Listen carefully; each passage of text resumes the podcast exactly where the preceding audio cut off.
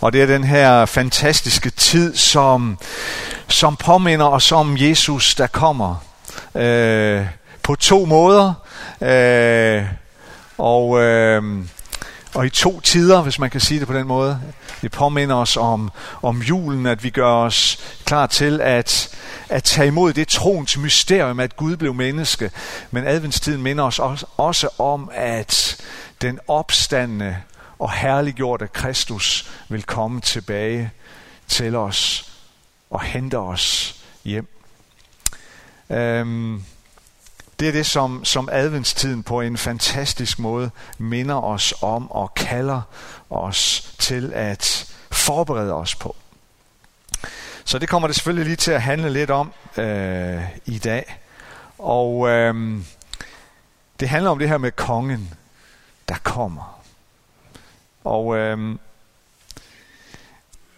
og så vil jeg gerne læse en tekst, som, hvad skal vi sige, hører til dagen i dag. Søndagens tekst, en tekst, som bliver læst i rigtig, rigtig mange kirker øh, ud over vores øh, land øh, og vores verden i dag. Det er fra Matthæus kapitel 21. Der står sådan her. Da de nærmede sig Jerusalem og kom til Betfage ved Oliebjerget, sendte Jesus to disciple afsted og sagde til dem, Gå ind i landsbyen heroverfor, hvor I vil straks finde et æsel, som står bundet med sit føl. Løs dem og kom med dem. Og hvis nogen spørger om noget, skal I svare, Herren har brug for dem, men vil straks sende dem tilbage. Det skete for, at det skulle opfyldes, som er talt ved profeten, der siger, sig til Sions datter, se din konge kommer til dig, sagt modig, ridende på et æsel og på et trækdyrs føl. Disciplene gik hen og gjorde, som Jesus havde pålagt dem. De kom med æslet og følget og lagde deres kapper på dem, og han satte sig derpå. Den store folkeskar bredte deres kapper ud på vejen. Andre skar grene af træerne og strøede dem på vejen og skarne, som gik foran ham, og de, der fulgte efter, råbte, Hosianna, Davids søn. Velsignet være han, som kommer i Herrens navn, Hosianna i det højeste. Tak, Jesus, at du igen og igen kommer til os. Du rækker ud til os. Du inviterer os ind i en relation ind i fællesskab med dig. Tak, at du møder os nu igennem ordet. Tak for dit nærvær midt i blandt os, lige her, lige nu. Amen. Nu skal jeg vise jer et billede, og jeg er rimelig sikker på, at det her billede har jeg aldrig brugt i en slide før her i kirken. Det er et dejligt billede. I Danmark, der har vi monarki. Det vil sige, at vores overhoved, vores regent, er konge. Nu har vi så en dronning, men det, øh, det er det samme. Det er bare kønnet og titlen, som er anderledes, men, men øh, ellers så er det det samme. Danmark er et monarki, Danmark er et kongedømme. Hvordan har du det med det? Det behøver du ikke svare på. Det kan du bare sidde og tænke lidt over. Det her skal ikke være sådan en samtale om for og imod monarkiet, eller for og imod en republik, eller noget. Men hvad betyder det for dig? Hvad betyder det, at vi har en dronning over vores land, eller som regent? Hvad betyder det for dig? Et eller andet sted, så øh, tænker jeg, at de fleste af os har en holdning til, hvad dronningen betyder for os. Det kan vi sikkert få lang tid til at gå med at snakke om. Det skal vi ikke gøre.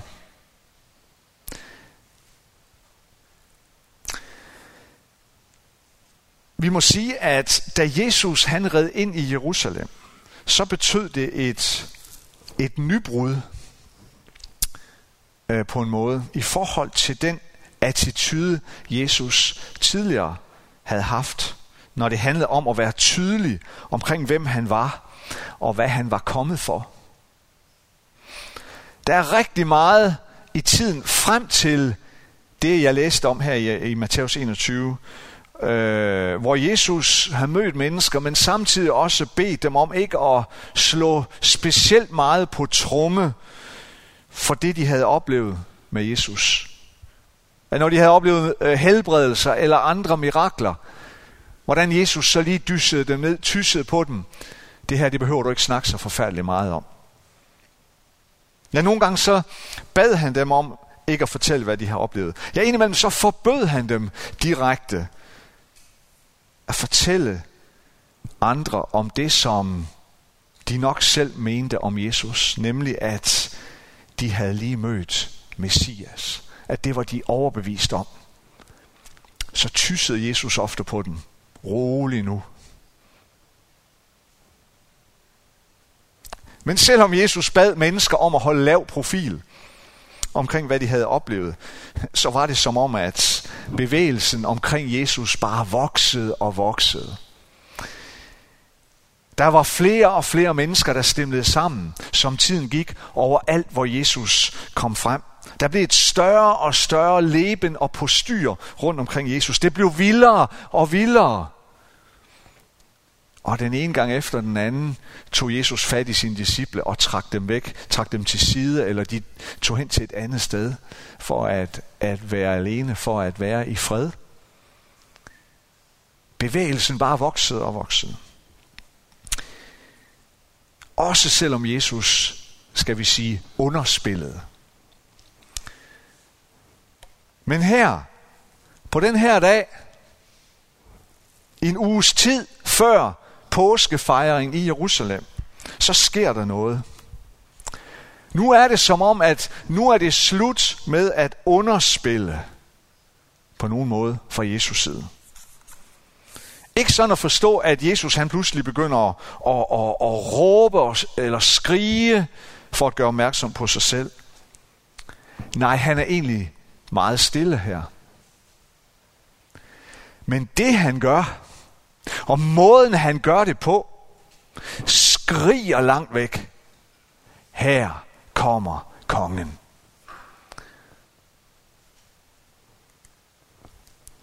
Jesus beder sine disciple om at gå hen til et ganske bestemt sted, hvor der står et, et æselmor og et æselføl. Og så siger han til dem, det skal I, øh, dem løser I, og så tager I det med herhen til mig. Og da de så kommer med dem, så sætter Jesus sig op på følget. Og æselmor er ved siden af. Og så begynder det her følge at bevæge sig ind imod byen. De andre evangelier har også den her historie med.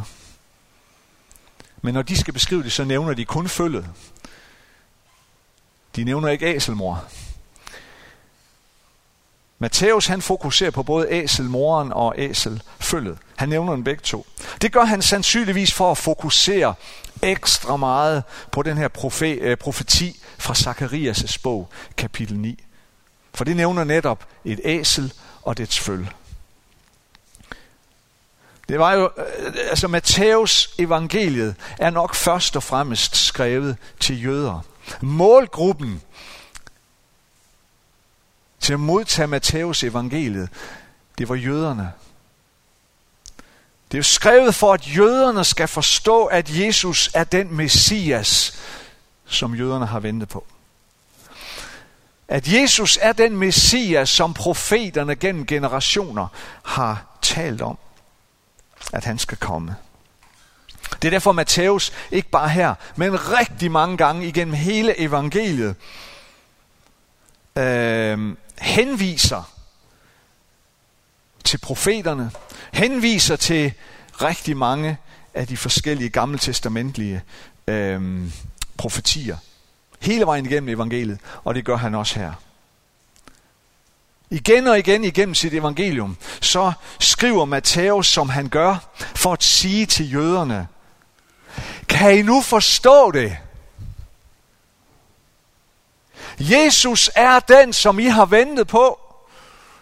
Han er den, jeres forældre har ventet på. Ja, han er den, jeres forfædre igen mange generationer har ventet på, har håbet på, har troet på skal komme. Det er ham. Det er det, Matthæus vil sige til sine læsere igen og igen. Og hvorfor rider Jesus så på et æselføl? Ja, det gør han for at opfylde det, som profeten havde forudsagt så mange år for inden.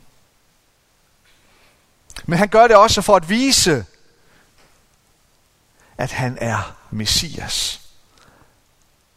At han kommer til dem som kongen.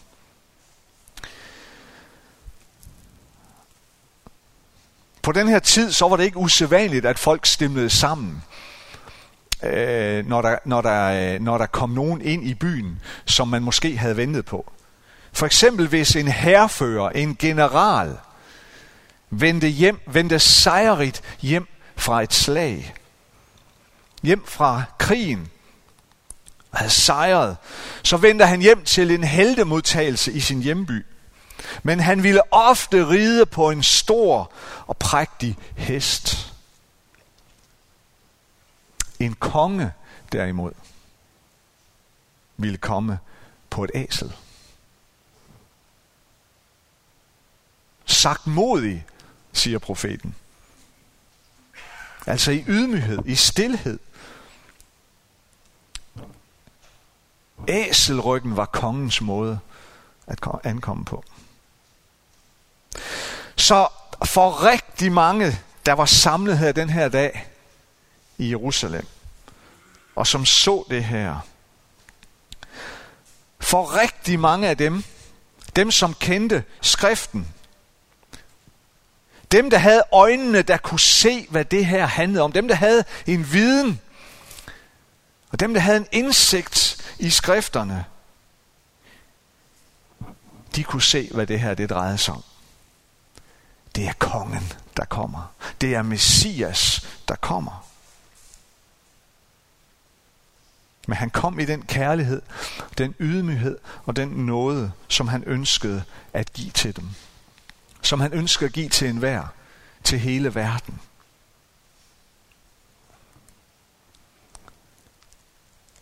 Og folket, de greb den her. De greb hele den her symbolik. De var godt klar over, hvad det handlede om. Kongen kommer. Vi vil hylde ham. Nu kommer han. Alle mand af huse. Alle mand ud på gaden. Vi vil hylde ham. Vi vil tage imod ham. Så de hyldede ham som kongen, der kommer. De tog deres, deres kapper og bredte dem ud på vejen foran æselfølget med Jesus på ryggen. Andre skar grene af træerne og bredte dem ud på vejen foran Jesus. Alt sammen kongelig symbolik.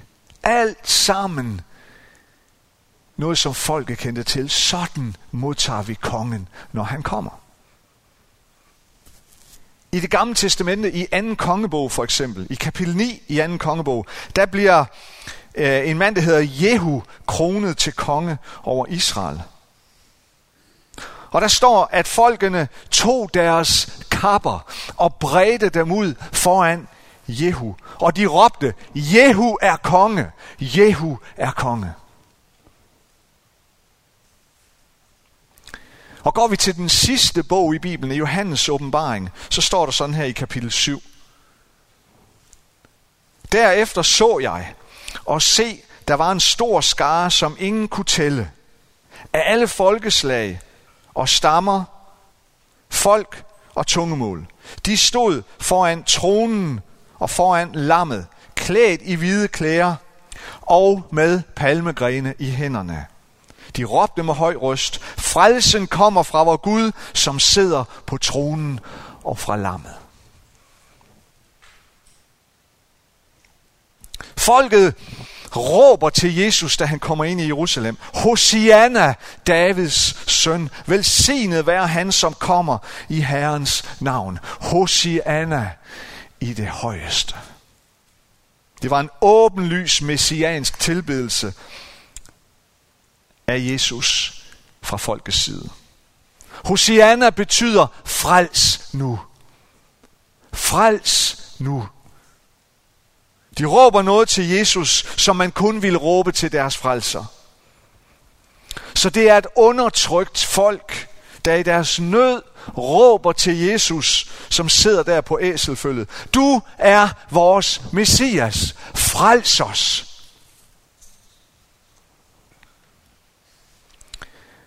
Alt det her, det gjorde Jesus. Alt det her, han gjorde den dag, var en åben og klar og tydelig profetisk demonstration. Jeg er jeres Messias. Jeg er jeres konge. Jeg er kommet for at frelse jer. Og folket svarede lige så åbent og lige så bekræftende. Ja, du er vores konge. Frels os.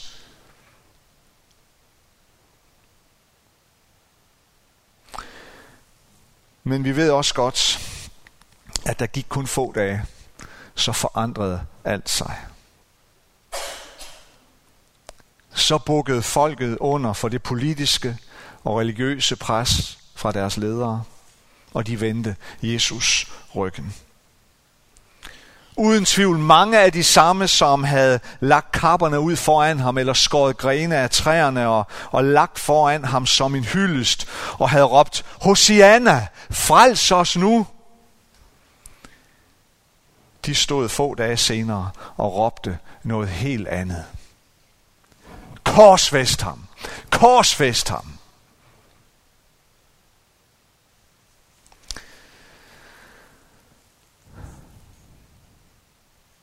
Som jeg sagde i starten, så har vi monarki i Danmark. Vi er et monarki. Vi har en konge, som så er en dronning, som vores regent. Uanset hvordan vi har det med det, så forholder det sig sådan.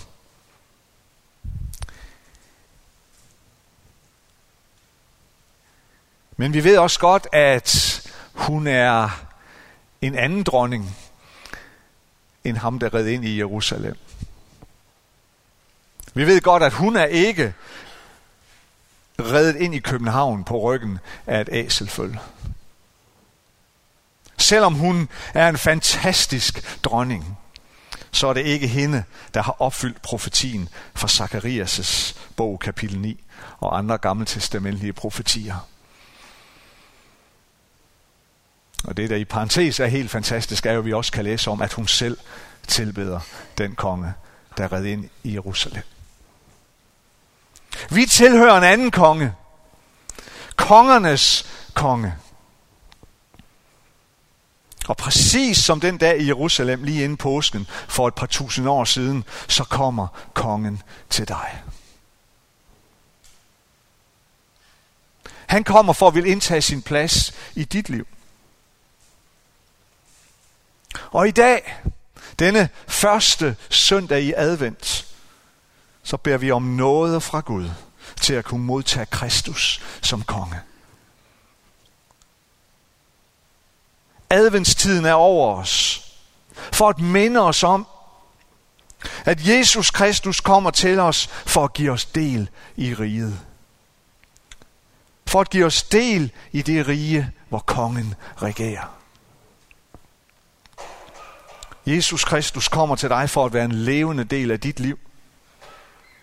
Han kommer for, at du i Helligåndens kraft skal kunne være i stand til at leve livet i retfærdighed, fred og glæde.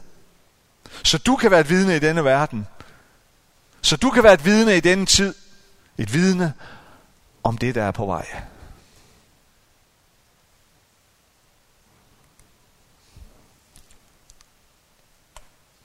Kan du tage imod kongen i dag? Og hvordan tager du imod ham? Jeg tror godt, vi alle sammen ved og kender til det her med, at der er dage, hvor solen bare skinner. og hvor livet er lyst og let og dejligt. Det er de dage, for nu at blive i det her billede, hvor vi er med i det kor, der råber Hosianna og skærer palmegrenen ned og lægger foran ham og breder vores kapper ud foran ham. Men vi kender også godt til, tror jeg, at der er andre dage, hvor det ser anderledes ud. Der er andre dage, hvor vi er i skuffelse eller frustration over vores liv, eller det vi går igennem, næsten er med i det kor, som råbte, korsfest ham. Sådan kan vores liv tage sig ud. Det ved vi godt. At den ene dag råber vi det ene, den næste dag råber vi noget andet. Ikke desto mindre ønsker kongen at gøre sit indtog i dit liv. Kongen kommer. Han kommer til dig, fordi han ønsker en relation med dig. Det er adventstiden en stærk påmindelse om.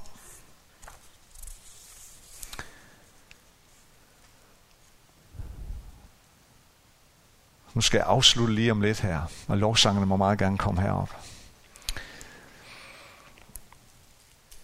Adventstiden er en forberedelsestid.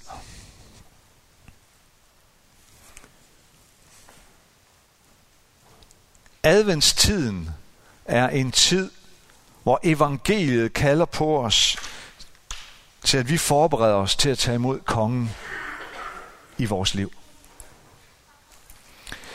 I en gammel adventssalme, der synger vi, Gør døren høj, gør porten hvid. Den ærens konge kommer hid. Gør døren høj, gør porten hvid. Hvad er det for en dør, der tales om? Hvad er det for en port, der tales om? Ja, det er jo et symbolsprog. Det er vores hjerte, der tales om. Det er vores hjertes dør, der skal gøres højt. Det er vores hjertes port, der skal gøres hvid, altså bredt.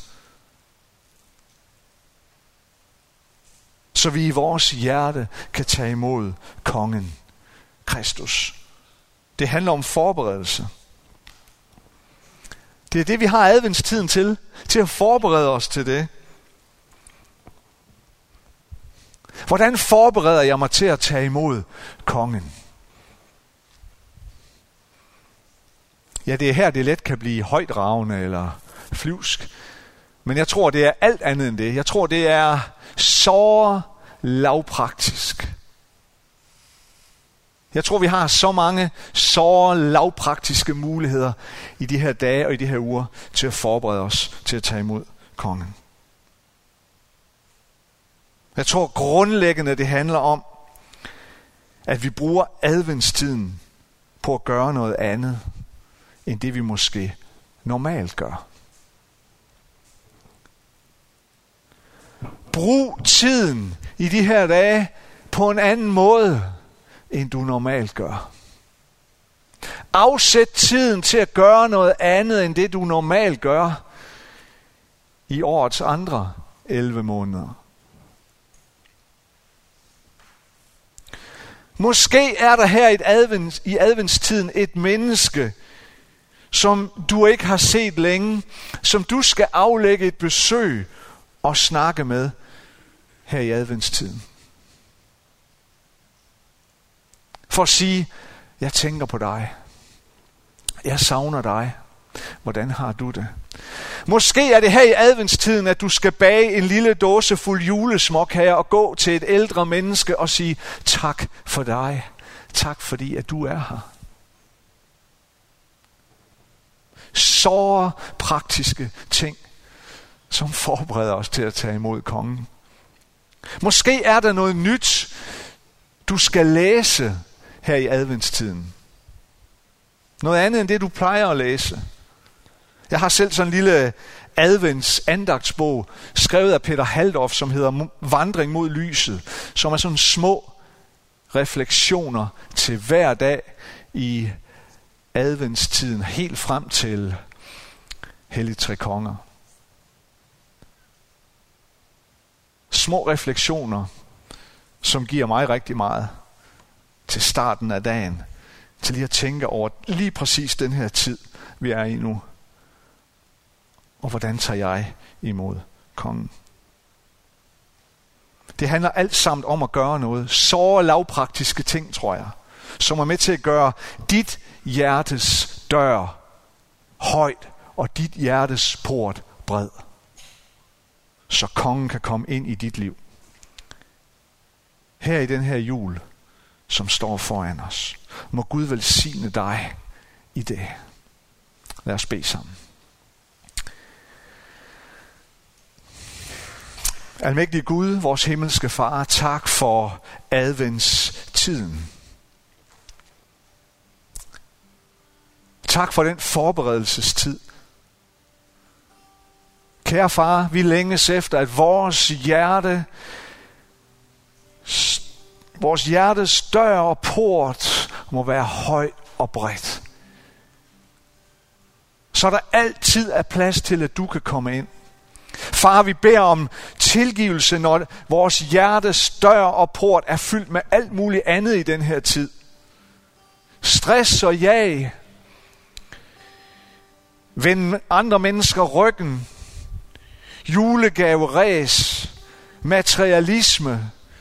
Alle de ting, som bare fylder i vores hjertes dør. Far, forbarm dig over os og hjælp os, så vores hjerte Vores hjertes dør må være så højt og bredt, så der altid er plads til dig. Og du må komme helt ind i vores liv. Hjælp os til at gøre de her små praktiske ting i den her julemåned, som vi nu træder ind i.